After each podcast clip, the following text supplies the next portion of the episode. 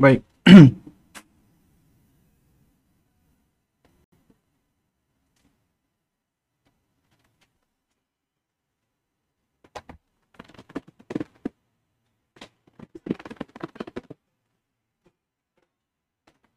Assalamualaikum warahmatullahi wabarakatuh.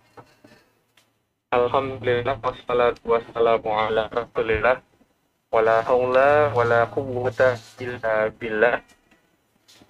Sobat sobat muslim, kaum muslimin, Rehat Radio Muslim di frekuensi AM 146 kHz dan di siaran streaming www.radiomuslim.com. Alhamdulillah kita kembali berjumpa di kesempatan pagi hari ini. Di program acara Hajana Selam kajian setiap pukul 9 waktu Indonesia Barat Indonesia. Dan di hari apa ini Insya Allah akan kita lanjutkan kembali kajian rutin kita pembahasan para pendidikan. Kajian rutin sama di kesempatan pagi melanjutkan kajian rutin mengajarkan anak tauhid dari, dari karya Syekh Muhammad Abdul Wahab rahimahullah taala. Dan itu biasa juga sesi kedua setelah dimati ada tanya. Sobat Muslim dan para pendengar bisa memberikan pertanyaan atau konsultasi pulsa atau pendidikan anak melalui atau channel ke nomor 02727 5333. Alhamdulillah setelah terhubung sama Ustadz Abu Salam Muhammad, kita sahabat lebih beliau. Assalamualaikum. Ya, Waalaikumsalam warahmatullahi wabarakatuh. Kesempatannya di pagi hari ini. Apa kabar? Alhamdulillah Mas Didin sehat ya setelah kita dua kali apa namanya uh, libur ya. Jadi di pagi hari ini alhamdulillah Ya. Allah mengkaruniakan kesehatan ya. Dan mudah-mudahan Mas Didin, keluarga dan teman-teman juga dalam kondisi yang baik dan sehat ya. Amin Ustaz. Khair Ustaz. Alhamdulillah sobat kata bersama Ustaz Fatma Muhammad ya sekali lagi insya Allah beliau akan menyampaikan materi pada kita semua dan uh, materi yang kita dengar insya Allah akan tentang Rasulullah Sallallahu Alaihi Wasallam dan para. Sekali mengingatkan buat para pendengar silakan sampaikan pertanyaan yang insya Allah akan kita uh, pada melalui nomor 0823 575333 silakan sampaikan melalui SMS atau WhatsApp. Uh, mungkin juga Din punya teman yang melalui Instagram uh, YouTube Ustaz Mas. Uh, selamat mendengarkan Allah materi yang lagi akan disampaikan oleh Ustaz Abu Salma Muhammad. Seperti yang mendengarkan di Instagram atau channel YouTube, silakan bisa sampaikan melalui SMS mau radio muslim atau bisa sampaikan melalui kolom komentar atau chat. Baik, sobat muslim dan ya, mari kita persiapkan diri untuk menyimak dan mendengarkan lanjut yang disampaikan oleh Ustaz Abu Sulaiman Muhammad Hafizullah Ta'ala محمد صلى الله عليه وعلى آله وسلم وشر الأمور محدثاتها وكل محدثة بدعة وكل بدعة ضلالة وكل ضلالة في النار أما بعد Eh, jamaah sekalian, para ikhwan dan akhwat rahimani wa rahimakumullah. Alhamdulillah di pagi hari ini kita diperkenankan Allah Subhanahu wa taala untuk dapat bersuah ya di acara uh, Khazanah Islam ya yang diselenggarakan oleh teman-teman dari Radio Muslim Jogja. Dan alhamdulillah di hari ini yaitu di hari Sabtu ya tanggal 3 Jumadil Akhirah Jumadil Akhirah bertepatan dengan tanggal 16 Januari 2021 kita diizinkan Allah Subhanahu wa taala untuk bersua kembali melanjutkan kajian kita masih membahas ta'limus sibyan at-tauhidah ya yaitu mengajarkan anak tauhid ya. Dan ini mohon maaf ya uh, sebelumnya bagi kawan-kawan yang mengikuti uh, ya kajian via YouTube ya ini sepertinya ada gangguan jaringan ya. Jadi di di sini ya uh, apa namanya kita mengalami gangguan jaringan ya sehingga uh, untuk dikoneksikan kembali nah ternyata masih belum bisa ya ya jadi insya Allah nanti akan kita kita upload ya rekamannya ke YouTube insya Allah taala ya baik Uh, jamaah sekalian, para sahabat muslim yang dimuliakan Allah Subhanahu wa taala ya. Di kesempatan yang lalu ya, kita telah membahas tentang ya berkenan dengan Yaumul Ba'ats ya atau hari kebangkitan. Ya. Dan ini yang kita ajarkan kepada anak-anak kita. Karena ini kaitannya dari pertanyaan yang keenam, pertanyaan yang terakhir tentang ya Wa idza qila laka man nabiyyuka di sini Syekh atau penulis ya Syekh Muhammad bin Abdul Wahab rahimahullahu taala beliau memberikan uh, penjelasan dan keterangan yang cukup panjang ya. Jadi di antaranya setelah beliau menerangkan tentang Rasulullah sallallahu alaihi wa ala alihi wasallam lalu kemudian juga berkenaan dengan ke keutamaan beliau, kelebihan beliau dan juga tentang uh, sedikit uh, nasab beliau ya dan hakikat dakwah beliau ya. Lalu kemudian beliau menerangkan tentang ya usulul iman yang apa pokok dari keimanan yang dapat uh, menyelamatkan dari kekufuran adalah al-imanu bil ba'thi yaitu mengimani hari kebangkitan ya. Wan nashr wal jaza wal hisab wal jannah wan nar. Haqqun. Ya. Itu yang kita bahas di pertemuan yang lalu. Ya. Dan insyaallah di sini kita akan melanjutkan ya eh, keterangan dari penulis atau muallif ya. Setelah beliau menerangkan bahwasanya di antara pokok keimanan yang dapat menyelamatkan dari kekufuran adalah mengimani al-ba'ts ya. Mengimani hari kebangkitan ya. Jadi mengimani hari uh, ketika manusia nanti dibangkitkan yaitu yaumul ba'ts dan juga mengimani yaumun nasyr ketika manusia dikumpulkan di padang mahsyar. Dan mengimani yaumul jaza yaitu hari ketika semua amalan akan dibalas oleh Allah Subhanahu wa taala. Dan yaumul hisab hari ketika semua amalan akan dihitung kemudian baru mengimani surga dan neraka itu benar adanya Nah, lalu kemudian sebagaimana biasa, Syekhul Islam Muhammad bin Abdul Wahab rahimahullahu taala beliau selalu mengiringi dengan dalil. Di sini beliau menyebutkan sejumlah dalil di antaranya surat Toha ayat 55.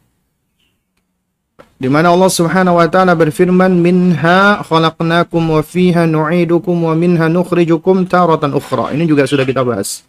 Dari bumi atau tanah itulah kami menjadikan kamu dan kepadanya kami akan mengembalikan kamu. Artinya, ya kita sejatinya ya asal penciptaan manusia ya aslul bait karena penciptaan manusia ada dua aslul bait wa aslul qarib.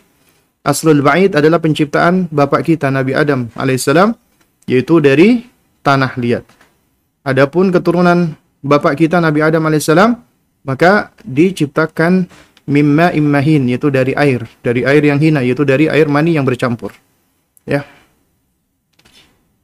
Nah, di sini Allah ingatkan yaitu dari tanah atau dari bumi itulah khalaqnakum kami menciptakan kalian. Wa fiha nu'idukum dan kepada tanah tadi kalian akan kembali. Wa minha nukhrijukum kemudian darinya dari tanah tadi kami keluarkan kalian itu ketika di hari kiamat nanti taratan ukhra pada kali yang lain. Ya. Juga demikian di dalam surat Ar-Ra'd ini juga sudah kita bahas kemarin ya ketika Allah Subhanahu wa taala berfirman wa in ta'jab ya fa'ajabun qauluhum ya jika ada sesuatu yang kamu herankan maka ya fa'ajabun qauluhum yang patut diherankan adalah ucapan mereka yaitu ketika mereka mengatakan ya Aida kunna turaban a inna la fi khalqin jadid. Ya, apakah apabila kami telah menjadi tanah, ya apakah kami nanti akan dikembalikan menjadi sosok atau makhluk yang baru? Ya, ula ya ulaika alladziina kafaru bi rabbihim. Mereka itu adalah orang-orang yang kafir terhadap Rabbnya wa ulaikal aghlalu fi a'nakihim. Dan mereka itulah orang-orang yang dibelenggu leher-lehernya. Wa ulaika ashabun nari hum fiha khalidun. Dan mereka itulah para penghuni neraka. Mereka kekal di dalamnya. Ya. Lalu kemudian ya kata Syekhul Islam Muhammad bin Abdul Wahab rahimahullahu taala beliau menerangkan wa ya itu fil ayati dalilun ala man jahada al-ba'ts kufrun kufran yujibul khulud fin nar Ayat ini menunjukkan atau menjadi dalil bahwasanya ya siapa yang mengingkari hari kebangkitan, siapa yang tidak mengimani hari kebangkitan, maka ia telah kafir dengan kekafiran nyata yang menyebabkan dia kekal di dalam neraka. Baru kemudian ya Syekh berdoa kepada Allah Subhanahu wa taala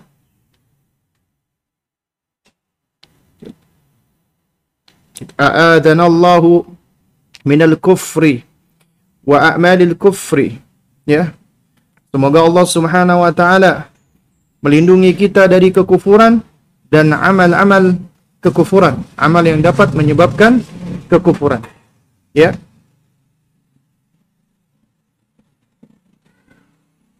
فضمت هذه الآيات بيان ما بعث به النبي صلى الله عليه وسلم من إخلاص العبادة لله ya kata Syekh Ayat-ayat di atas ini mengandung bayan penjelasan bahwasanya Nabi yang mulia sallallahu alaihi wa ala alihi wasallam itu diutus adalah dalam rangka untuk ikhlasun ibadah, memurnikan ibadah, ya mengikhlaskan ibadah hanya untuk Allah Subhanahu wa taala wan nahyi an ibadati ghairillah. Dan dalam rangka untuk melarang ya mencegah dari peribadatan kepada selain Allah Subhanahu wa taala ya. Wa qasral ibadah 'ala ibadah. Dan membatasi ibadah hanyalah untuk ibadah kepada Allah Subhanahu wa taala semata ya. Jadi inilah tujuan Nabi SAW dan para nabi yang lainnya tidak lain dan tidak bukan adalah untuk mengikhlaskan ibadah, melarang dari kesyirikan atau peribadatan kepada selain Allah dan membatasi ibadah hanya untuk Allah Subhanahu wa taala. Ya, wa hadha dinuhu alladhi ya da'an nas da'an nasa ilaihi. Dan inilah agama beliau yang mana beliau berdakwah mengajak manusia kepada agama ini yaitu agama tauhid, agama Islam. Wajah hadahum alaihi ya. Dan beliau pun bermujahadah bersungguh-sungguh alaihi di atas agama ini yaitu di atas ya agama tauhid ini di dalam mengajak manusia kepada tauhid. Dia kama qala ta'ala sebagaimana firman-Nya Allah azza wa jalla wa qatiluhum hatta la takuna fitnah. Ya. Dan perangilah mereka semua sampai tidak ada lagi fitnah atau tidak ada lagi kesyirikan. Karena makna fitnah di sini kata para ulama adalah kesyirikan wa yakuna dinu kulluhu lillah dan agar agama ini seluruhnya adalah milik Allah Subhanahu wa taala.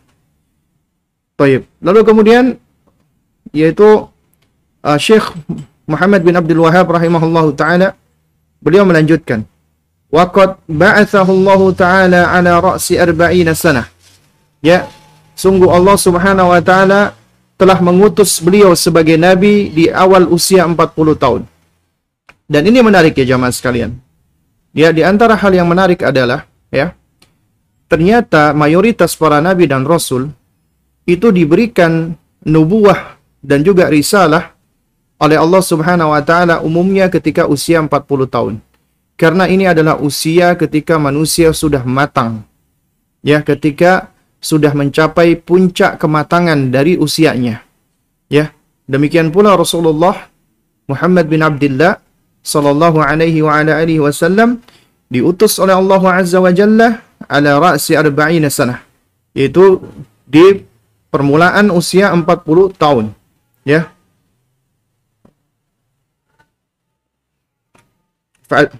fa da'an nasa ila ikhlas ya. Beliau mengajak mendakwai manusia kepada keikhlasan. Untuk mengikhlaskan ibadah kepada Allah Subhanahu wa taala. Ya. Wa tarki.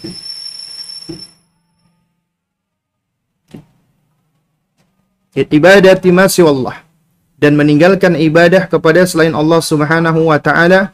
Nahwan min ashri sinin. Ya, itu selama kurang lebih ya yaitu selama lebih dari satu dasawarsa atau sepuluh tahun, ya. Ya, itu yang dilakukan oleh Rasulullah. Dan kalau kita baca di dalam buku-buku sejarah ya, sebenarnya Rasulullah ketika di Mekah, beliau berdakwah selama 13 tahun. Ya. Dan beliau menfokuskan dakwahnya ya beliau apa namanya? Ngetarkizu da'watihi ya fokus daripada dakwah beliau adalah kepada tauhid, mentauhidkan Allah dan melarang dari kesyirikan. Ya, summa hajara ilal Madinah. Kemudian setelah itu baru beliau hijrah atau bermigrasi ke Madinah Nabawiyah baru beliau pindah ke atau hijrah ke kota Madinah. Nah, di sini Syekhul Islam Muhammad bin Abdul Wahab rahimahullahu taala beliau memang menyebutkan ya apa namanya? Fada'an nas ila al-ikhlas wa tarki ibadati ma nahwan min asyri sinin. Ya, Nabi mengajak kepada ketauhid ya ikhlas di dalam ibadah dan melarang dari kesyirikan itu kata beliau ya kurang lebih selama 10 tahun. Kenapa? Karena ini beliau kaitkan nanti di sini ya, yaitu thumma urija bihi ila sama. Kemudian baru beliau dimi'rajkan. Diangkat oleh Allah Subhanahu wa taala ke langit. Wa furidha alaihi as-salawat al-khams.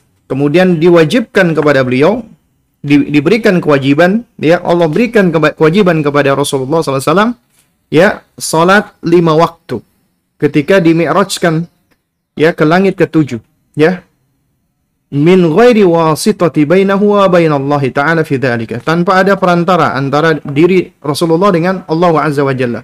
Kalau kita perhatikan ya Rasulullah SAW ketika mendapatkan perintah dari Allah, ya mendapatkan wahyu, itu biasanya melalui perantaraan. Perantaraan siapa? Perantaraan Jibril alaihissalam, ya. Melalui perantaraan malaikat Jibril alaihissalam, ya.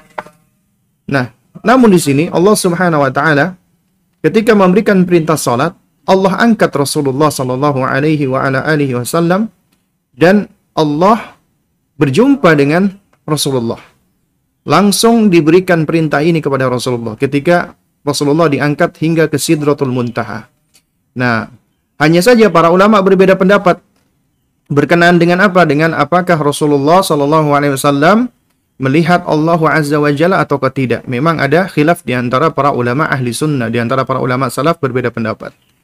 Ya, namun wallahu taala alam bisawab ya bahwasanya yang di, yang disebutkan oleh istri beliau yaitu ibunda Aisyah radhiyallahu taala anha bahwa ibunda Aisyah mengingkari ya mereka yang mengatakan Rasulullah berjumpa dengan eh maksud saya melihat Allah Azza wa Jalla langsung ya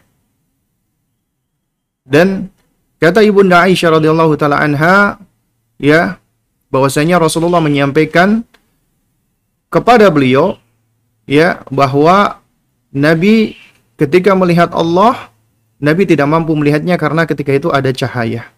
Cahaya yang sangat apa namanya? terang benderang sekali. Ya. Sehingga ya Rasulullah tidak bisa melihat zatnya Allah Azza wa Jalla ketika dimi'rajkan. Tapi Rasulullah bersua dan berjumpa dengan Allah Subhanahu wa taala. Dan ini ada di dalam hadis Isra Mi'raj yang hadisnya cukup panjang dan Nabi ketika itu menjelaskan dengan begitu detailnya. Ya. Betapa Nabi bertemu dengan sejumlah ya nabi, ya sejumlah rasul mulai dari bapak beliau ya Nabi Ibrahim alaihissalam, kemudian bersua dengan Nabi Musa ya dan nabi-nabi yang lainnya. Ya. Baik. Thumma amara ba'da dzalika bil hijrati. Baru kemudian ya, ya thumma apa namanya? Umira ba'da dzalika bil hijrah. Kemudian beliau diperintah diperintahkan oleh Allah Subhanahu wa taala untuk berhijrah, ya. Jadi Allah Subhanahu wa taala perintahkan beliau untuk hijrah. Ya. Fahajara ila Madinah. Lalu kemudian beliau hijrah ke Madinah wa amara bil jihad. Lalu kemudian beliau pun eh, Allah Subhanahu wa taala memerintahkan beliau untuk berjihad. Nabi diperintah untuk berjihad. Kemudian fajahada fillahi haqqa jihadi. Maka Nabi pun berjihad di jalan Allah dengan sebenar-benarnya jihad. Nahwan min ashri sinin ya.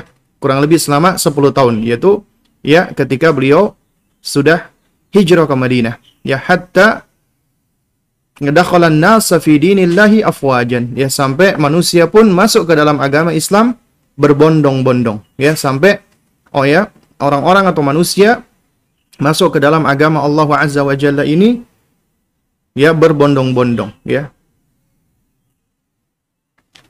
ya falamma tammat 63 sanah walhamdulillah tamad din ya. Lalu kemudian setelah genap ya setelah genap usia beliau 63 tahun walhamdulillah maka tamad din.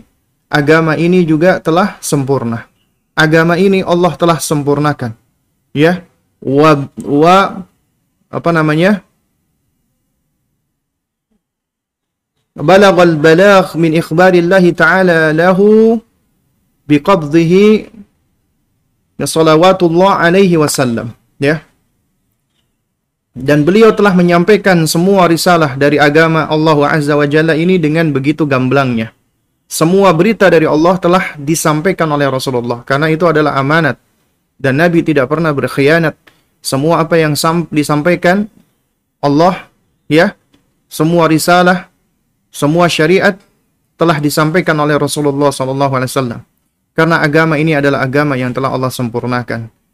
Dan Allah sebagaimana di dalam surat Al-Maidah al-yauma akmaltu lakum dinakum wa atmamtu alaikum ni'mati.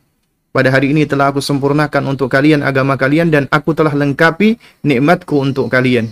Agama ini adalah agama yang telah Allah Azza wa Jalla sempurnakan.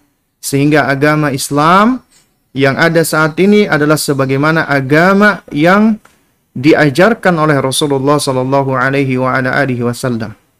Ya. Allah jaga kemurnian dan kesuciannya, ya. Meskipun banyak orang, banyak manusia berusaha untuk mengkontaminasi dan mengotori agama ini. Namun akan senantiasa ada mereka yang selalu berpegang dengan sunnah Nabi yang mulia alaihissalam dan mereka selalu menghidupkan sunnah Nabi mengikuti jalannya para sahabat Nabi, kemudian juga juga mereka mengikuti ya jalannya para tabi'in, para tabi'ut tabi'in dan para para ulama-ulama atau imam-imam ad-din, imam-imam agama ya. Dan mereka senantiasa ya membela agama ini, menjaga kemurniannya, mendakwakan tauhid, menentang kesyirikan, menghidupkan sunnah, ya kemudian juga uh, menolak bid'ah dan mereka akan senantiasa ada sampai hari kiamat kelak. Hal ini sebagaimana yang disabdakan oleh baginda Nabi yang mulia alaihi salatu wassalam la tazalu ta'ifatu min ummati zahirina 'ala al-haqqi la yadhurruhum man khadalahum wala man khalafahum hatta ya'tiya amrullah wa hum 'ala dhalik. Akan senantiasa ada sekelompok ya dari umatku yang mana ya mereka menampakkan al-haq mereka menunjukkan kebenaran ya tidaklah mencederai mereka orang-orang yang menghinakan mereka menyelisihi mereka itu semua tidak akan mencederai mereka, tidak akan memberikan madarat buat mereka. Mereka tidak mengurusi ucapan-ucapan orang, hinaan-hinaan orang. Ya. Dan mereka tetap berada di atas hal ini yaitu membela kebenaran. Ya, sampai datangnya hari kiamat. Mereka itu adalah at-taifah al-mansurah. Kelompok atau golongan yang mendapatkan pertolongan dari Allah Subhanahu wa taala sebagaimana yang disampaikan oleh Rasulullah sallallahu alaihi wa alihi wasallam dan hadisnya ini adalah hadis mutawatir ma'nawi karena banyaknya riwayatnya. Ya. Karena banyak riwayat yang berbicara tentang hadis Taifah al-Mansurah, ya. Taib.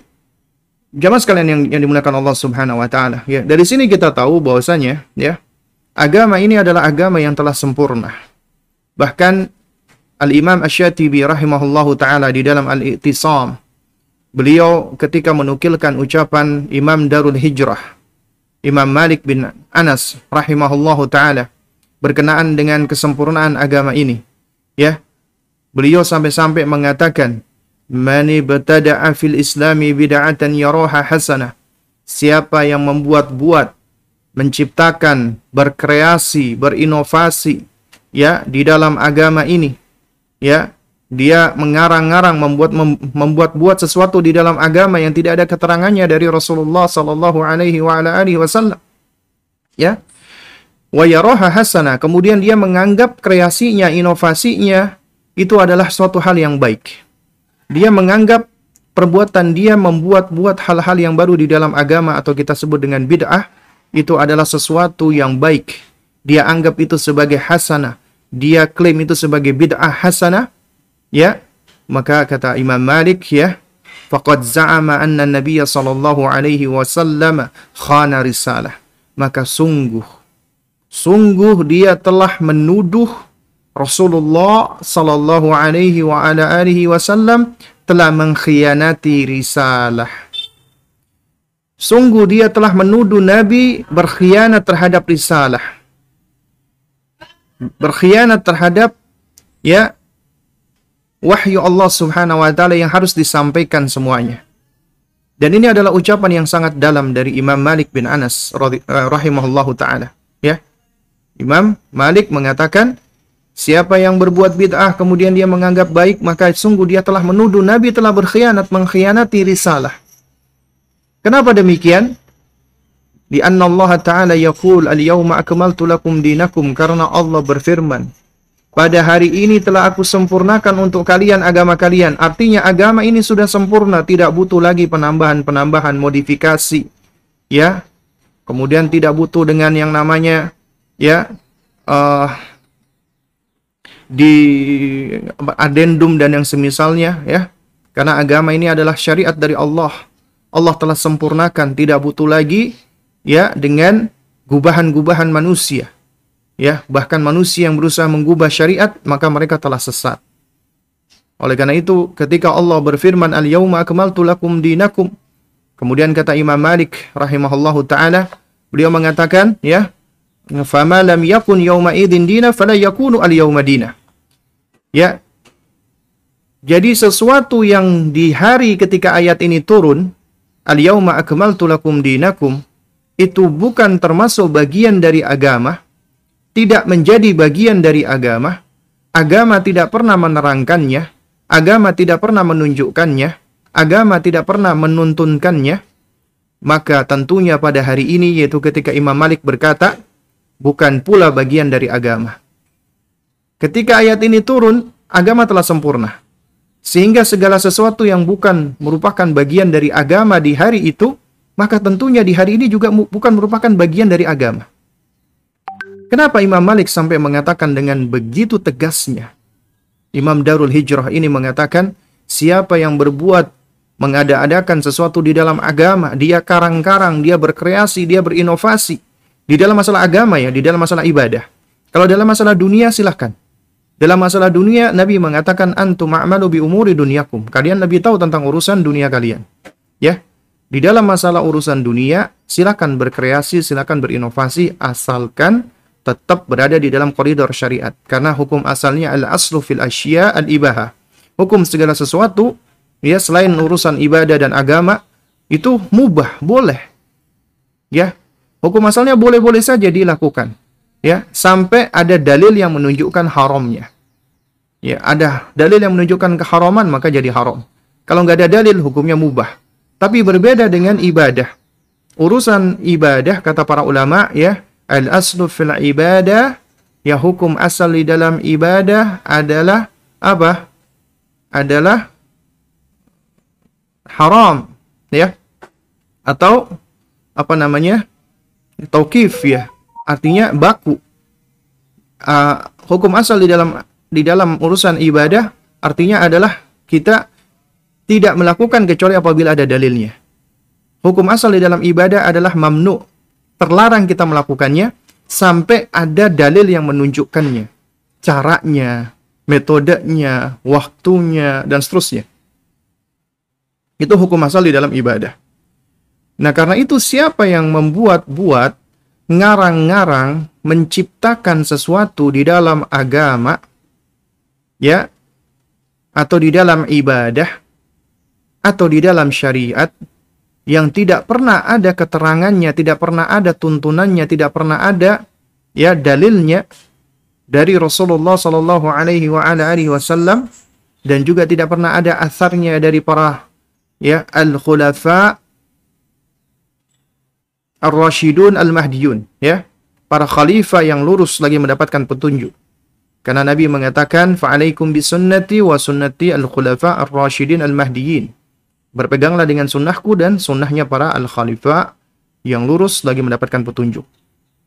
Jadi mengikuti sunnahnya para al-khulafa ar-rasyidun, empat, empat khalifah, bukan hanya salah satunya, ya yang mereka bersepakat itu termasuk sunnah. Ya, karena kata Nabi karena kata Nabi setelahnya adalah apa ya? Addu 'alaiha bin nawajid. Gigitlah sunnah tersebut dengan gigi gerahamu. Dan Nabi menyebutkan alaiha bukan alaihima. Ya, Nabi tidak menyebutkan ya gigit kedua sunnah tersebut. Tidak tidak menyebutkan dengan dengan apa? Dengan kata ganti tasniyah, dengan kata ganti menunjukkan double. Karena kan disebutkan alaikum bisunnati dan sun, sunnahnya para khalifah yang lurus. Nabi menyebutkan dua, sunnahku dan sunnahnya para khalifah yang lurus. Tapi kemudian Nabi mengatakan addu alaiha bin nawajid. Gigitlah sunnah tersebut. Disebutkan satu, ya alaiha. Ini menunjukkan sunnahnya Nabi dengan sunnahnya para al-khulafa ar-rasyidun kata para ulama adalah sunnah yang satu. Ya, adalah sunnah yang satu. Ya. Nah, jadi jamaah sekalian yang dimulakan Allah. Agama kita adalah agama yang sudah sempurna. Allah sudah sempurnakan. Ini nikmat dari Allah, karunia dari Allah. Sehingga kewajiban kita hanyalah cukup mengikuti. Cukup ittiba, ya ittabi'u wala tabda tabtadi'u ya. Ittabi'u, ikutilah, ittiba'lah. Wala tabtadi'u janganlah kalian beribtida janganlah kalian membuat-buat janganlah kalian ngarang-ngarang bid'ah. Faqad kufitum karena kalian sudah dicukupkan. Kalian sudah ya sudah dicukupi. Artinya agama ini sudah cukup sudah sudah sempurna. Cukup kita mencontoh saja meniru saja bahkan kalau seandainya kita meniru dan mencontoh Rasulullah saja itu banyak di antara kita yang nggak sanggup lantas kenapa kita harus ngarang-ngarang atau atau mengikuti ya hal-hal yang tidak ada tuntunannya dari Rasulullah Shallallahu Alaihi Wasallam. Padahal ya konsekuensi dari syahadat ketika kita bersaksi asyhadu anna Muhammadan abduhu wa rasuluh bahwasanya kita bersaksi Muhammad itu adalah hamba Allah dan utusannya ya ketika kita mengatakan rasuluh artinya kewajiban kita harus apa menegakkan haknya beliau. Yaitu kita menjadikan beliau sebagai al-matbu' ya. Satu-satunya panutan yang benar ya. La matbu'a bihaqqin illa Muhammad. Tidak ada satu pun panutan contoh yang paling benar kecuali Nabi Muhammad SAW. Artinya nggak ada satupun manusia yang boleh ditiru kecuali Rasulullah. Kecuali hanya satu Rasulullah. Tapi dikarenakan Rasulullah memerintahkan kita untuk mencontoh murid-murid beliau, para sahabat Nabi, maka kita mengikuti perintah beliau. Ya. Nah, tapi secara asal tidak ada yang layak untuk ditiru dan dicontoh kecuali hanya Rasulullah Muhammad bin Abdullah sallallahu alaihi wa ala alihi wasallam. Dan jamaah sekalian yang dimuliakan Allah Subhanahu wa taala. Ketika Imam Malik mengatakan, ya, "Man ibtada'a fil Islami bid'atan yaraha hasanah faqad za'ama anna Nabiy sallallahu alaihi wasallam khana risalah." Siapa yang membuat bid'ah di dalam agama, kemudian dia anggap itu baik, hasanah, maka sungguh dia telah menuduh Rasulullah telah berkhianat terhadap risalah. Kenapa? Karena tugasnya Rasulullah adalah apa? Balaghur risalah, menyampaikan risalah. Wa addal amanah dan menunaikan amanat amanat dari Allah. Artinya ya syariat risalah itu diturunkan Allah kepada Rasulullah. Dan semua apa yang Allah turunkan kepada Rasulullah dari risalah, nubuat, dan syariat itu sudah disampaikan semua semuanya oleh Rasulullah. Artinya tidak ada yang disembunyikan oleh Rasulullah. Disampaikan semuanya oleh beliau Shallallahu Alaihi Wasallam. Makanya ketika agama telah sempurna, artinya semuanya telah diterangkan oleh Rasulullah. Semuanya telah disampaikan oleh Rasulullah. Semua jalan yang dapat menghantarkan hamba ke surga dan menjauhkan hamba dari neraka sudah disampaikan oleh Rasulullah. Semua hal-hal yang berkaitan dengan ibadah, dengan takarrub kepada Allah Azza wa Jalla sudah disampaikan oleh Rasulullah. Karena itu kewajiban kita adalah ittabi'u. Ikutilah, contohlah, teladanilah. Wala tabtadi'u. Janganlah kalian ngarang-ngarang. Ya. Bahkan Ibunda Aisyah radhiyallahu taala anha beliau menyampaikan dua hadis yang sahih disebutkan oleh Imam Nawawi di dalam ya kitab beliau Arba'in Nawawi. Ya. Yang pertama adalah man amila amalan laisa alaihi amruna fahuwa raddun. Siapa yang beramal, siapa yang mengerjakan suatu amalan, suatu perbuatan laisa alaihi amruna, enggak ada perintahnya dari kami, enggak ada tuntunannya dari kami, enggak ada keterangannya dari kami, enggak ada dalilnya dari kami, fahuwa raddun, maka tertolak. Siapa yang mengatakan tertolak Rasulullah? Oleh karena itu mereka yang mengatakan ya, ketika mereka berbuat bid'ah ya, kemudian kita katakan ini adalah perbuatan yang mardut, maka syubhat mereka adalah apa? Mereka mengatakan ya, emangnya ente ini Tuhan? Emangnya ente ini Allah? Sehingga bisa ya mengatakan perbuatan ini adalah perbuatan yang tertolak dan yang semisalnya. Ini syubhat mereka. Ya. Jadi ente kayak udah mengambil haknya Allah dengan mengatakan ini perbuatan tidak diterima, ini adalah perbuatan mardud. Ya akhi, ya ikhwah, ya bahwasanya kita tidaklah mengucapkan ini mardud kecuali kita berangkat dari apa yang dikatakan oleh Rasulullah. Man amila amalan laisa alaihi amruna fahuwa raddun. Siapa yang mengerjakan suatu amalan gak ada keterangannya dari Rasulullah maka tertolak. Nah sekarang Anda melakukan itu ada nggak keterangannya? Ada nggak dalilnya? Ada nggak hujahnya? Ada nggak contohnya? Ada nggak apa namanya teladannya? Itu harus Anda buktikan. Harus Anda tunjukkan. Kalau nggak bisa ditunjukkan, nggak ada nggak ada dalilnya, maka kita katakan fahuwa raddun. Itu amalan tertolak meskipun Anda ikhlas mengerjakannya. Meskipun Anda melakukannya dengan ya penuh keikhlasan. Karena ibadah nggak akan diterima kecuali dengan dua syarat ikhlas dan mutaba'ah. Ikhlas karena Allah dan mencontoh Rasulullah sallallahu alaihi wa ala alihi wasallam. Mencontoh Nabi. Karena Nabi diutus oleh Allah untuk dicontoh, untuk ditiru. Ya. Bukan untuk sekedar cuman dijadikan logo, slogan, cinta Rasulullah, tapi nggak pernah mengikuti Rasulullah, nggak pernah mencontoh Rasulullah, nggak mengikuti sunnah beliau. Ya, Nabi diutus Allah untuk ditiru dan dicontoh. Jadi ini hadis yang pertama, man amila amalan laisa alaihi amruna fahuwa raddun. Hadis yang kedua juga sama dari Ibunda Aisyah radhiyallahu taala anha adalah man ahdatha fi amrina hadza ma laisa minhu fahuwa raddun.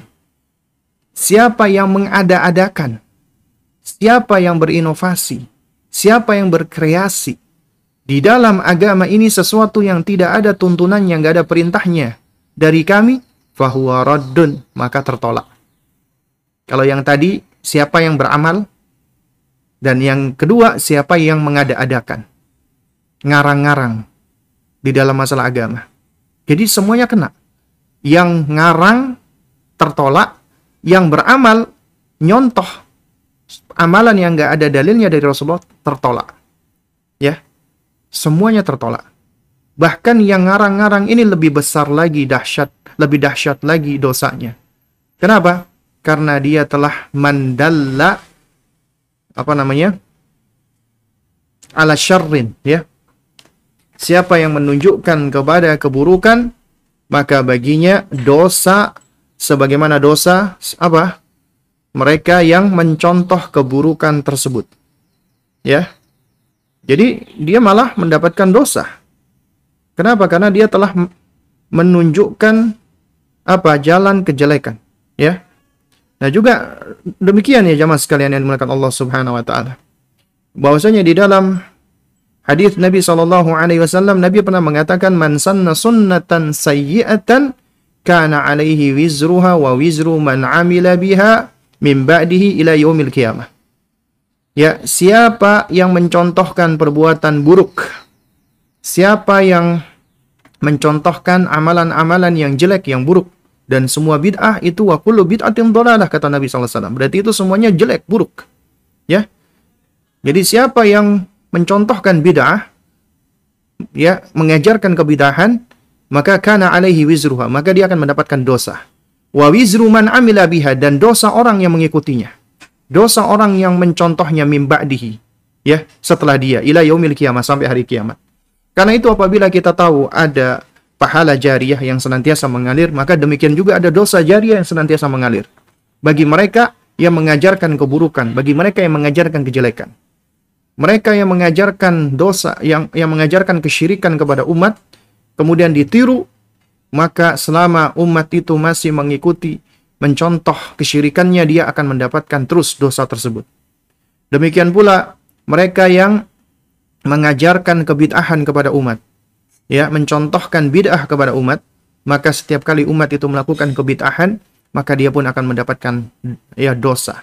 Demikian pula orang yang mencontohkan kepada perbuatan maksiat, perbuatan buruk, perbuatan jelek, kemudian dicontoh dan di, dan ditiru, maka dia akan mendapatkan terus dosa tersebut.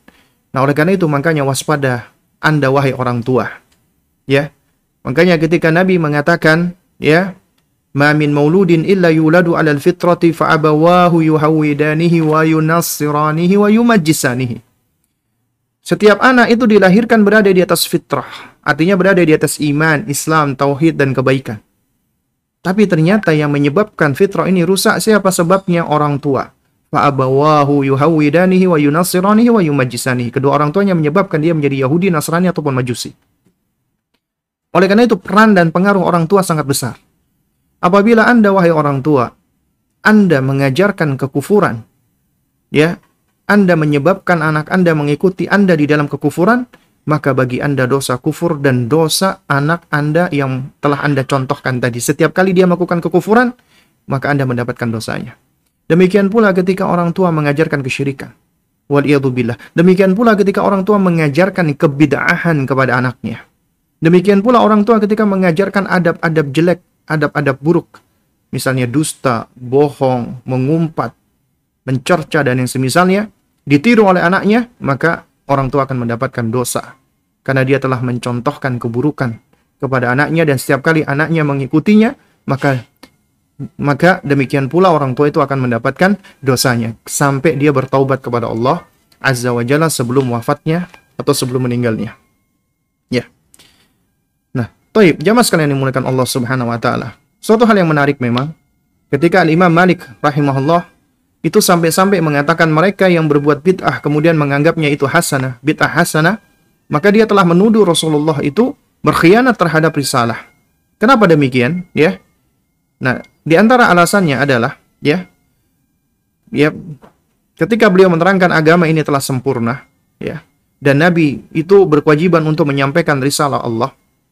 Sekarang coba kita tanya kepada mereka orang-orang yang melakukan perbuatan-perbuatan bid'ah yang dianggapnya hasanah. Ya. Sekarang coba kita tanya kepada mereka.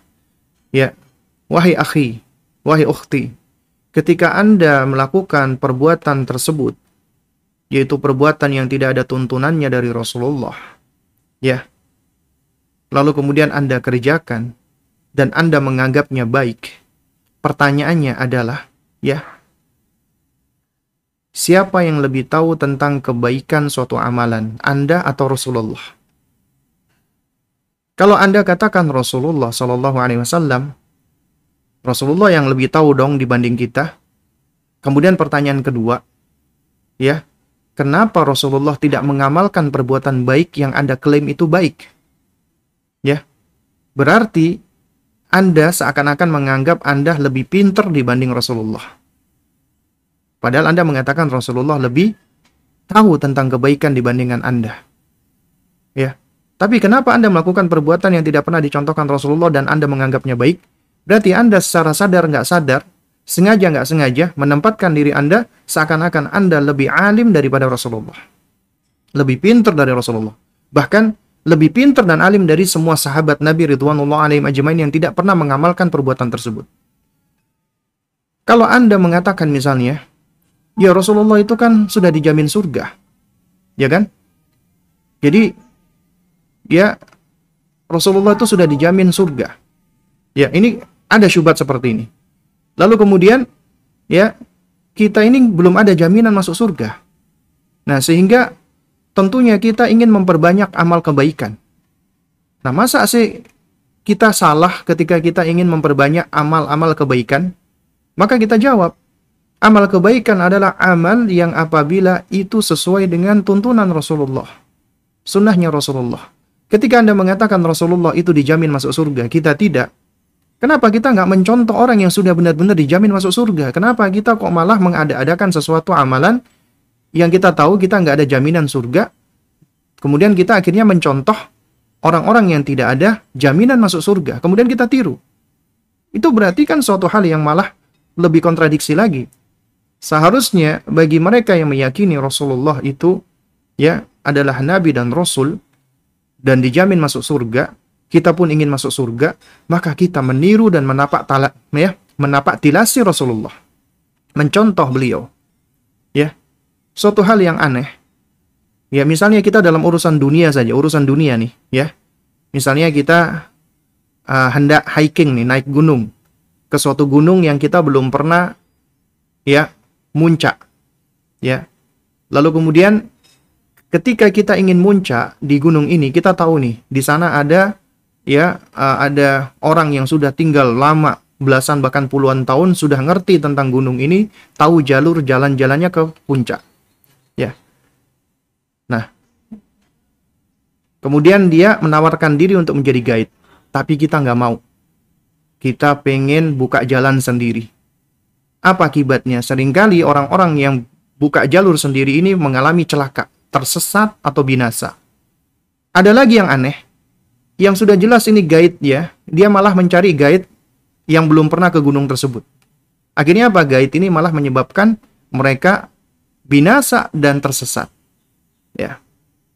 Lalu kenapa orang yang sudah berpengalaman ini, yang sudah tahu jalan menuju kepada puncak gunung ini, itu kenapa nggak kita jadikan guide gitu loh? Ini kita ngomong masalah dunia. Kita ngomong masalah yang remeh, cuman masalah hiking, naik gunung. Lantas sebagaimana dengan ya jalan menuju ke Allah, jalan menuju keselamatan, jalan menuju ke jannah.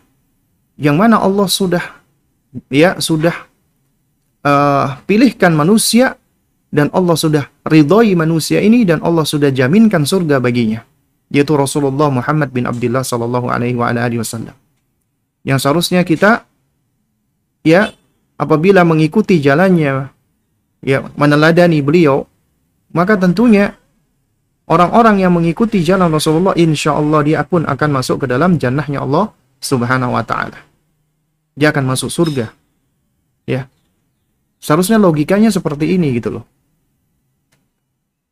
Nah, namun jamaah sekalian menggunakan Allah, apabila kita perhatikan, ternyata mereka ya mohon maaf orang-orang yang gemar melakukan amalan-amalan yang tidak ada tuntunannya dari Rasulullah atau amalan-amalan bid'ah sering kali kita dapati ternyata kebanyakan mereka tujuannya dunia maslahat dunia. Kita lihat nih mereka kadang-kadang melakukan amalan-amalan solawat 1111 kali membaca ya hayu ya qayyum dan seterusnya ya dengan bilangan 999 kali di waktu ini, di jam segini, kemudian pantangan-pantangannya seperti ini. Mereka lakukan itu semua biasanya tujuannya apa? Supaya usahanya lancar. Supaya ya mendapatkan ini dan itu. Supaya mendapatkan jodoh. Supaya tujuannya dunia semuanya. Tujuannya dunia. Dan kita perhatikan ya jamaah. Talbisnya iblis iblis itu lebih mencintai perbuatan bid'ah daripada maksiat. Ini sebagaimana dikatakan oleh Imam Sufyan Ats-Tsauri. Kenapa demikian? Karena ya, mereka orang-orang yang melakukan bid'ah itu menganggap perbuatannya itu baik dan benar sehingga mereka sulit untuk bertaubat. Adapun orang yang melakukan maksiat, dia tahu itu perbuatan maksiat. Sehingga kemungkinan besar mereka untuk bertaubat sangat besar. Ya, kemungkinan mereka untuk taubat sangat besar. Makanya iblis senang dengan perbuatan-perbuatan bid'ah. Ya. Makanya talbisnya syaitan ya kepada umat Islam dalam rangka untuk menyesatkan mereka diajak kepada bid'ah-bid'ah. Dan yang mana kebanyakan tujuannya ternyata nggak lepas dari tendensi dunia. Dunia yang hina ini. Ya. Banyak di antara mereka mau menerima wirid-wirid dan semisalnya tujuannya dunia mendapatkan dunia. Ya. Baik. Jamaah sekalian mulakan Allah Subhanahu wa taala ya. Ya ini dikarenakan sudah pukul 9.50 ya. Baik. Uh, apa namanya? Mungkin di sisa waktu ini kita coba jawab beberapa pertanyaan. Baik, Mas Didin uh, mungkin sudah ada pertanyaan yang masuk, Mas. Ya silakan mungkin bisa dibacakan.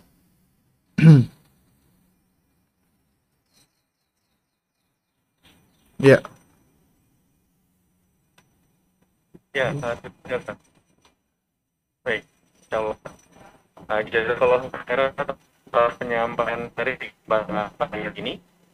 Alhamdulillah teman-teman kita baru saja mendengarkan sesi tadi yang disampaikan oleh Ustaz Abdul Muhammad Rizal Ta'ala melanjutkan kajian berhenti mendidik tauhid kepada dan tadi tentang hakikat Rasulullah Shallallahu Alaihi Wasallam dan para Rasul. Kali ini akan pertanyaan yang sudah disampaikan dan pendengar. Pertama, Assalamualaikum Ustaz. Waalaikumsalam warahmatullahi wabarakatuh. Hukumnya anak ber mohon nopoli apakah ada pernah di Sallallahu Alaihi untuk Ya baik, Taib. Atau SD si Ya. Lain, Ya baik ya. Taib, uh, ini ada pertanyaan ya, bagaimana hukum bermain monopoli dan catur? Apakah ada permainan yang dianjurkan Nabi untuk anak-anak TK atau SD yang sudah yang masih masih sudah bermain-main? Taib. Jamaah sekalian menggunakan Allah ya. Kita tahu bahwasanya usia anak-anak apalagi usia di bawah 7 tahun adalah usia mereka bermain. Usia mereka ber, bermain. Ini adalah kebutuhan mereka dan harus dipahami oleh orang tua. Karena belajarnya apa? Karena bermainnya mereka sejatinya adalah belajar. Mereka belajar dengan cara ber, bermain. Ya, dan ini sudah banyak ya saya bahas sebenarnya tentang kebutuhan bermain buat anak-anak. Kemudian yang kedua, ya bahwasanya hukum asal di dalam perkara-perkara bukan urusan ibadah, urusan agama, maka hukum asalnya mubah. Hukum asalnya adalah diperbolehkan. kecuali apabila ada dalil. Karena itu semua permainan secara asal adalah diperbolehkan kecuali apabila ada dalilnya. Nah, sekarang coba kita lihat. Ya, anak-anak misalnya bermain gobak sodor, kemudian bermain lari-larian, sembunyi-sembunyian dan yang semisalnya, itu semua secara asal boleh. Kecuali apabila ada dalil yang menunjukkan keharamannya. Ya. Baik itu secara nas ataupun ya secara istimbat atau istidlal. Ya, misalnya ada permainan yang membahayakan misalnya atau permainan yang mengandung unsur-unsur kesyirikan misalnya. Maka tentunya itu dilarang. Lalu kemudian ada permainan yang secara nas itu juga dilarang atau diharamkan. Di antaranya adalah apa? Adalah bermain dengan permainan menggunakan apa namanya? apa apa namanya nart ya nart atau disebut juga dengan dadu ya tenar dashir ya jadi kita lihat sekarang contohnya permainan monopoli permainan monopoli ini adalah suatu permainan yang baru. Ya kita tahu ya ini adalah apa namanya permainan yang sifatnya baru. Nah kalau tidak ada unsur yang mengharamkan maka hukumnya boleh. Tapi dikarenakan permainan monopoli ini pertama di dalamnya ada dadu misalnya. Dan kita tahu kata Nabi SAW man laiba bin dashir ya faka'annama sabagha yadahu fi lahmi khinziri wa dami. Ya, kata Nabi SAW, siapa yang bermain dadu, ya, maka seakan-akan dia telah mencelupkan tangannya ke daging babi dan darahnya ya dan darahnya. Nah, ini kata para ulama menunjukkan apa? Menunjukkan tentang dalil haramnya bermain dadu. Karena kita tahu ya daging babi dan darahnya itu haram dan najis. Seakan-akan kita mencelupkan tangan kita ke dalam keharaman. Nah, jadi apabila datang dalil yang mengharamkan, maka kewajiban kita adalah sami'na wa ata'na. Karena apabila itu datang dari Allah dan Rasulnya yang mengharamkan sesuatu, maka pasti mengandung keburukan, maka, maka pasti mengandung kejelekan dan kerusakan. Ya, meskipun mungkin sebagian akal manusia loh, kenapa kok nggak boleh? Ini kan bagus dan lain sebagainya. Maka kita tidak mengikuti akal manusia. Kita mengikuti ya wahyu dari Allah dan juga ya uh, perintah atau larangan dari Rasulullah. Ketika Nabi mengharamkan, maka kita pun juga meng mengharamkan. Ya. Nah, apa kemudian bagaimana dengan catur ya Nah, di, apa berkenan dengan dengan catur ya. Catur di sini memang ada khilaf di antara para ulama ya. Memang ada khilaf ya. Di karena kenapa? Di dikarenakan eh, menurut sebagian ulama hadis-hadis yang mengharamkan tentang catur ini ya dikritisi sanatnya, sanatnya dhaif ya. Oleh karena itu makanya para ulama ber, ber, berkaitan dengan catur ini mereka berbeda pendapat ya. Nah, dan yang yang tepat dalam hal ini adalah ya di sini ada perinciannya. Di antara perinciannya adalah jika seseorang dia bermain catur lalu kemudian itu sampai uh, sampai apa namanya sampai meninggalkan eh, kewajiban-kewajiban yang Allah wajibkan maka hukumnya adalah haram. Jadi haramnya adalah dikarenakan akibat dari permainan caturnya karena sering kali permainan catur itu lalaikan. Nah, maka demikian pula dengan permainan-permainan yang semisal, termasuk game ya. Kalau itu sampai melalaikan, maka bisa menjadi haram. Haramnya bukan karena zatnya. Ya. Nah, terus kemudian jika tidak sampai melalaikan ya, maka ya kembali lagi ke khilaf di antara ulama. Antara ulama yang yang mengharamkan catur, memperbolehkan dan memakruhkan catur tadi. Nah, berkenaan dengan hal ini, yang lebih apa nah tepat ya hendaknya apa hendaknya kita berusaha untuk ya uh, menelaah dalilnya ya dan dan pendapat yang lebih selamat di dalam hal ini ya yakni apa namanya kita adalah lebih baik tidak bermain catur atau kita meninggalkan uh, untuk bermain catur juga termasuk anak-anak kita itu yang pendapat lebih selamat ya Ya, jadi ini berkaitan dengan dadu ataupun catur. Lalu kemudian apa permainan yang dianjurkan untuk anak-anak? Ya, jadi sifatnya adalah ya semua permainan itu adalah diperbolehkan buat anak-anak kecuali apabila ada dalil yang mengharamkan. Nah, untuk anak-anak ini maka yang baik adalah mereka diajak bermain yang melibatkan ya motorik kasar dan motorik halus mereka. Misalnya bermain dengan cara ber apa banyak bergerak, entah itu berlari-lari ataupun juga misalnya juga boleh ya melatih mereka untuk memanah, berenang, bergulat ya atau yang semisalnya. Ya. Terus kemudian juga boleh bagi anak-anak perempuan bermain boneka ya atau yang semisalnya ya. Ini adalah urusannya lapang ya, urusannya adalah urusan yang lapang dan luas. Jadi intinya urusan permainan anak secara asal diperbolehkan sampai ada dalil yang menunjukkan haramnya. Wallahu a'lam bishawab.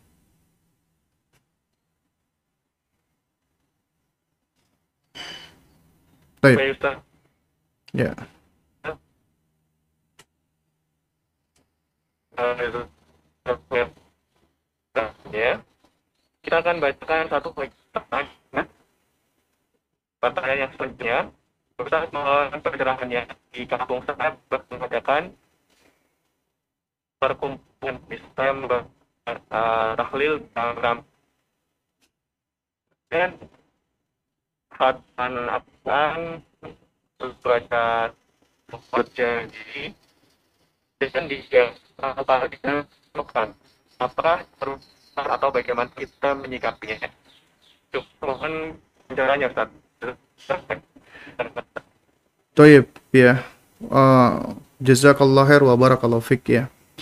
Bagaimana hukum mengadakan kumpulan-kumpulan misalnya membaca tahlil, hataman Al-Quran, sholawat berzanji, dan lain sebagainya. Yang perlu kita pahami bersama adalah ya, bahwa membaca tahlil itu baik. Karena tahlil itu adalah ya kalimat tauhid yang paling baik, zikir yang paling baik, yaitu mengucapkan la ilaha illallah. Ya. Dan ini untuk untuk apa? Untuk kita menolak kesalahpahaman ya. Uh, supaya tidak dianggap bahwasanya eh, kita ini anti tahlil. Enggak, bahkan tahlil itu bagus. Ya bahkan baik. Nah, tapi dengan memberikan akhiran an ini yang bermasalah. Itu ketika tahlil dikasih akhiran an tahlilan. Karena ternyata di dalamnya itu bukan hanya berisi zikir, yaitu la ilaha illallah, tapi juga berisi berbagai macam hal-hal yang lainnya. Ya. Terus kemudian juga ya kita tahu nih Nabi Shallallahu Alaihi Wasallam ya itu menyebutkan bahwasanya zikir yang paling baik ya bahkan ini termasuk kunci surga adalah mengucapkan kalimat tauhid yaitu kalimat tahlil la ilaha illallah. Ya. Demikian pula ya kita tahu nih Nabi yang paling tahu tentang keutamaan kalimat ini. Kemudian setelah itu para sahabat Nabi Ridwanullah alaihi majma'in. Pertanyaannya adalah ada nggak riwayat dari Rasulullah ataupun para sahabat ataupun tabi'in ataupun para a'immah al-arba'ah Imam Imam Abu Hanifah, Imam Malik, Imam Syafi'i, Imam Ahmad mereka mengadakan acara tahlilan. Kalau ada tolong ditunjukkan dalilnya. Kalau tidak ada maka ittabi'u, ikutilah Rasulullah. Cukup kita mengikuti Rasulullah SAW. Ya, dan kita nggak perlu mengikuti uh, apa namanya yang tidak ada tuntunan atau tidak ada dalilnya ya. Lalu kemudian juga misalnya apa hataman Quran. Membaca Al-Quran itu baik bagus sekali ya. Menghatamkan Al-Quran juga suatu hal yang baik dan bagus sekali ya. Bahkan kita dianjurkan untuk membaca Al-Quran dalam keseharian kita dan menghatamkan Al-Quranul Karim. Tapi kalau kita membuat majelis hataman Quran, ya lalu kemudian ternyata bacaannya dibagi-bagi ya kamu ayat ini sampai ini kamu ayat ini sampai ini. Kemudian yang lainnya tidak menyimak maka itu sebenarnya sejatinya bukan hataman Quran. Hataman Quran adalah ketika kita membaca ataupun menyimak Al-Quran dari awal sampai akhir. Lalu kemudian ya boleh kita membuat majelis belajar Al-Quran membaca Al-Quran menghatamkan Al-Quran boleh. Tapi kalau di dalamnya itu sudah dibuat semacam ada waktu-waktu tertentu, ada keyakinan-keyakinan apa namanya tertentu, kemudian diiringi dengan doa-doa yang tidak pernah dituntunkan oleh Rasulullah, maka tentunya ini adalah suatu hal yang ya yang tidak pernah dituntunkan, maka kita tidak tidak mengamalkannya. Demikian pula solawat. Solawat yang paling baik adalah solawat yang diajarkan Rasulullah Sallallahu Alaihi Wasallam. Solawat Ibrahimiyah. Allahumma salli ala Muhammad wa ala ali Muhammad kama sallaita ala Ibrahim wa ala ali Ibrahim wa barik ala Muhammad wa ala ali Muhammad kama barakta ala Ibrahim wa ala ali Ibrahim innaka Hamidum Majid. Itu solawat yang paling baik. Oleh karena itu kita sejatinya tidak butuh dengan solawat-solawat yang dibuat oleh selain Rasulullah. Kenapa? Karena membaca solawat ini termasuk ibadah. Maka kita mencukupkan dengan apa yang datang dari Rasulullah. Karena Rasulullah yang paling tahu tentang apa yang paling baik, pujian yang paling baik untuk diri beliau. Ya, meskipun manusia yang lainnya mengatakan ini adalah pujian untuk Rasulullah dan semisalnya kadang-kadang sering kali kita dapati pujian itu berlebihan. Ya. Berlebihan, gulu bahkan memberikan sifat-sifat kepada Rasulullah tidak semestinya yang Rasulullah pun akan berlepas diri dari dari pujian-pujian tersebut. Seperti misalnya dikatakan Rasulullah mengetahui ya perkara-perkara gaib. Rasulullah mengetahui ilmu lauhil mahfud dan yang semisalnya padahal itu adalah untuk Allah.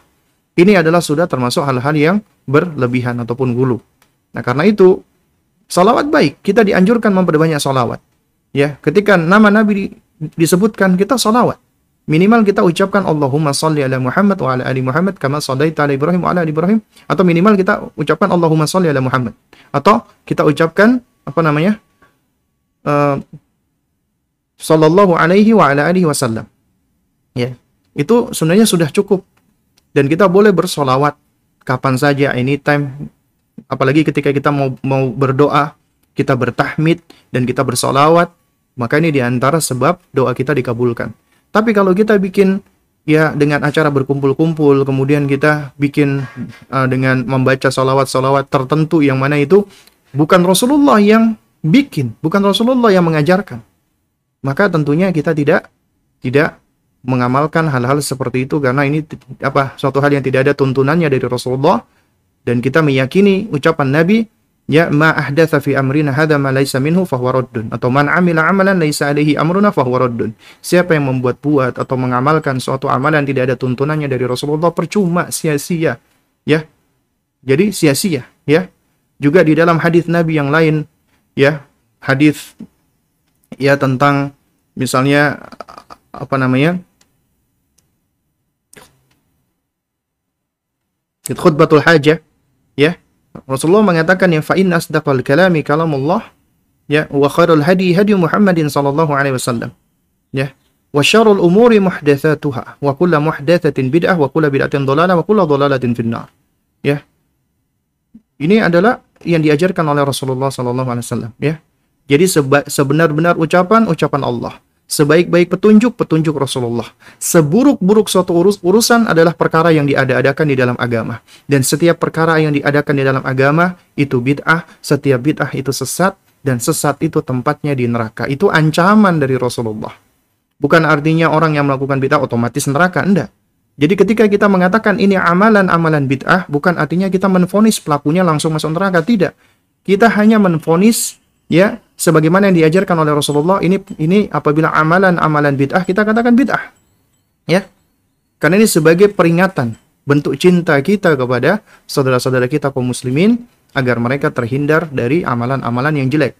Kayak misalnya ada orang melakukan kemaksiatan, minum khamr, ya kita ingkari, ya. Tapi bukan artinya kita langsung ponis, hm, ini penghuni neraka ini.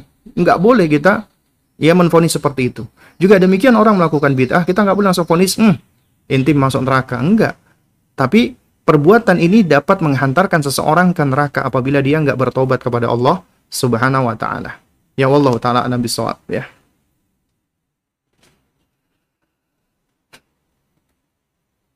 Baik Ustaz, khairan penjelasan saya. Dan itu adalah pertanyaan kita di uh, pagi hari ini. Dan saya